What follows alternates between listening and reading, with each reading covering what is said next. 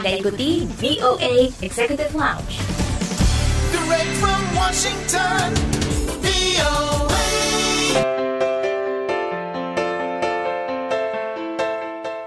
Langsung dari VOA di Washington DC. Hai, apa kabar? Senang sekali bisa bertemu kembali dengan Anda. Saya Dewi Sulianti, tentunya di VOA Executive Lounge, di mana Anda bisa berbagi cerita mengenai diaspora Indonesia di mancanegara, sekaligus informasi terbaru dari dunia gaya hidup dan hiburan. Kali ini di VOA Executive Lounge, ada obrolan bersama Chris Lee, ilustrator Indonesia di Amerika, yang akan bercerita tentang karya-karyanya yang mendunia, serta proyek terbarunya dalam film Netflix yaitu The Old Guard. Nantikan obrolannya, maka dari itu jangan ke mana-mana, tetap di VOA Executive Lounge.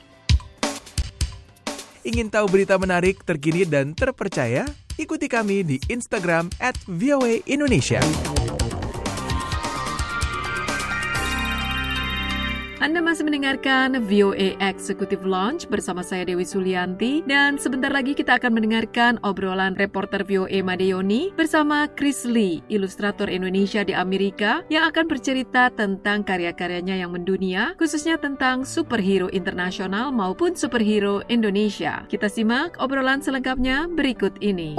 Saya Madioni, VOA Washington DC. Chris Lee adalah ilustrator terkenal Indonesia yang karya internasionalnya melengkapi The Twilight Zone, Deadheads Revisited, dan The Big Whisk. Ia juga bekerja sama dengan beberapa penerbit komik untuk seri G.I. Joe, Transformers Return to Labyrinth, dan Dungeons and Dragons. Bagaimana sehari-hari aktivitas Chris selama COVID ini? kerja jadi terbalik siang kan nggak bisa konsentrasi lah. Anak saya juga e-learning dan sebagainya. Jadi bisa kerjanya lebih kalau mulai jam 9 malam. Iya, jadi terbalik karena kerja di rumah ya. iya jadi terpaksa kebalik. Siangnya biasa malamnya saya tambah kerja. Cuma memang bedanya dulu harus meeting ke sana ke sini sana sini sekarang di rumah terus which is meeting online menurut saya lebih efektif juga sih karena nggak habis waktu ya Lebih praktis dan nggak banyak basa-basinya kalau online. apalagi kalau yang dibatasin satu jam COVID kan banyak menginspirasi komikus Indonesia untuk membuat ilustrasi kartun. Apakah juga selama COVID ini melahirkan ide buat Chris? Kalau saya kan memang bukan komikus yang bikinnya kritik sosial gitu ya. Jadi saya lebih ke arah bikin apa kayak cerita atau apa tapi yang lebih komik yang komik bercerita gitu bukan komik sosial itu. Jadi sekarang ini saya bayangin nanti tuh setelah ini tuh seperti apa sih masyarakat perilakunya mungkin kebiasaannya. Kayak salah paling gampang sih pakai pada pakai masker sih gitu sih. Idenya itu yang terkait after COVID. Ya new, new normal itu ya. Kayak apa gitu nanti tuh. Kita belum tahu loh kini nanti kalau misalnya kayak traveling gitu. Nah nanti ini kayak gimana traveling saya juga bingung sih. Sebenarnya masih belum terlalu kebayang saya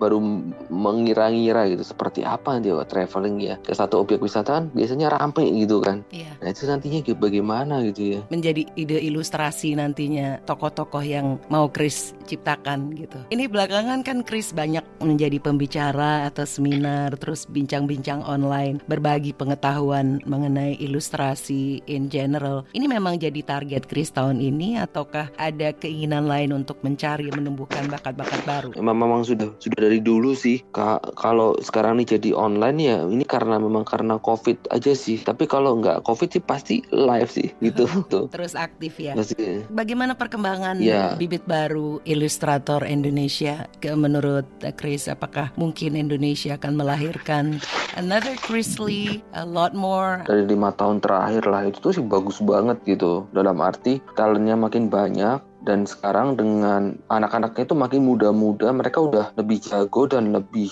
udah masuk industri gitu. Jadi paling gampangnya sih sekarang di kantor di studio di Caravan Studio. Yang baru-baru itu umurnya masih muda-muda semua nah, dan memang dan begitu masuk udah bisa ikut ngerjain project-project yang paling sulit. Tapi kalau dari uh, originalitas atau dari ide, menurut pengamatan Chris, apa tantangan mereka? Jadi gini, kan ada ilustrator Indonesia yang ilustrator atau komikus atau apa yang memang lebih banyak sebagai artis dalam arti sebagai senimannya. Jadi mereka bisa menggambar dengan bagus sekali gitu. Tapi ada juga yang lebih uh, sebagai creator dalam arti lebih ke arah membuat satu ide karakter cerita yang bisa meledak lah, bisa sukses gitu. Jadi itu dua hal yang berbeda. Saat ini memang lebih banyak yang pertama sih gitu dan karena memang yang kedua itu sus- susah sekali untuk bisa menghasilkan satu karakter yang bisa meledak gitu. Nah itu itu PR kita semua sih sebenarnya masih sama dari uh, beberapa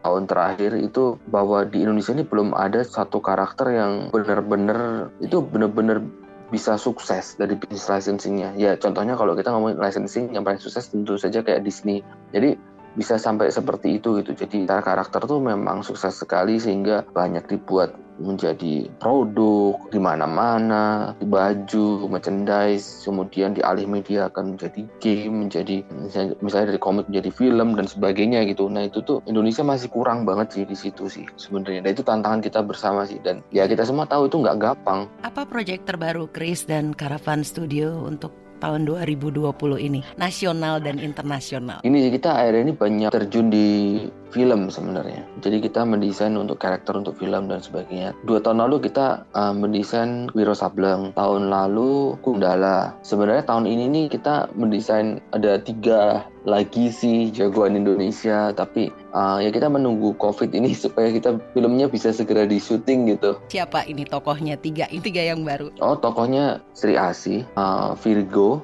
and the Sparklings, dan si buta dari Gua Hantu. Mengenai buku Gundala, Art in the Making, proses ilustrasinya, apa yang mendasari Chris menerbitkan buku ini? Karena eh, tidak lazim ada ilustrasi movie yang dibukukan. Gundala itu sebenarnya itu buku The Art of atau The Making of yang kedua. Yang pertama itu Wiro Sableng uh, tahun sebelumnya tahun 2018. Tujuannya sih saya kan dulunya kan ya sampai sekarang sih kan banyak terlibat di proyek yang lebih bersifat internasional. Saya melihat bahwa produk di sana itu tidak cuma diluncurkan sebagai single produk, tapi banyak produk-produk turunan.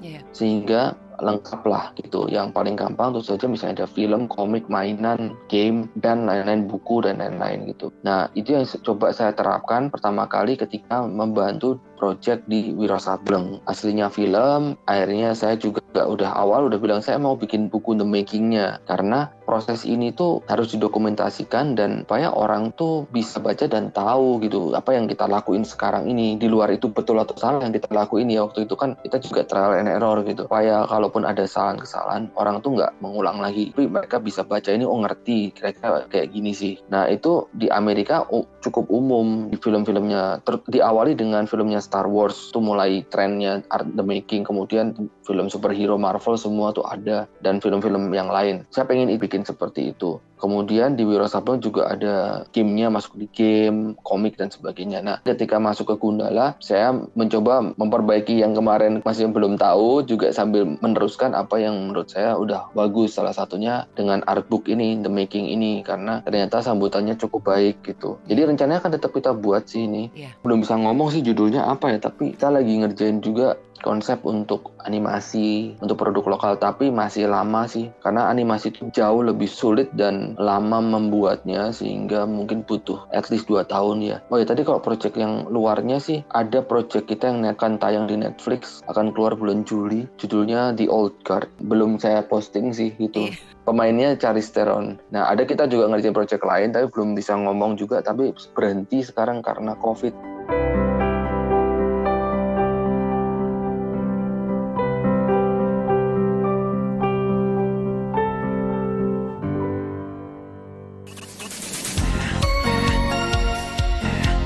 voice of America.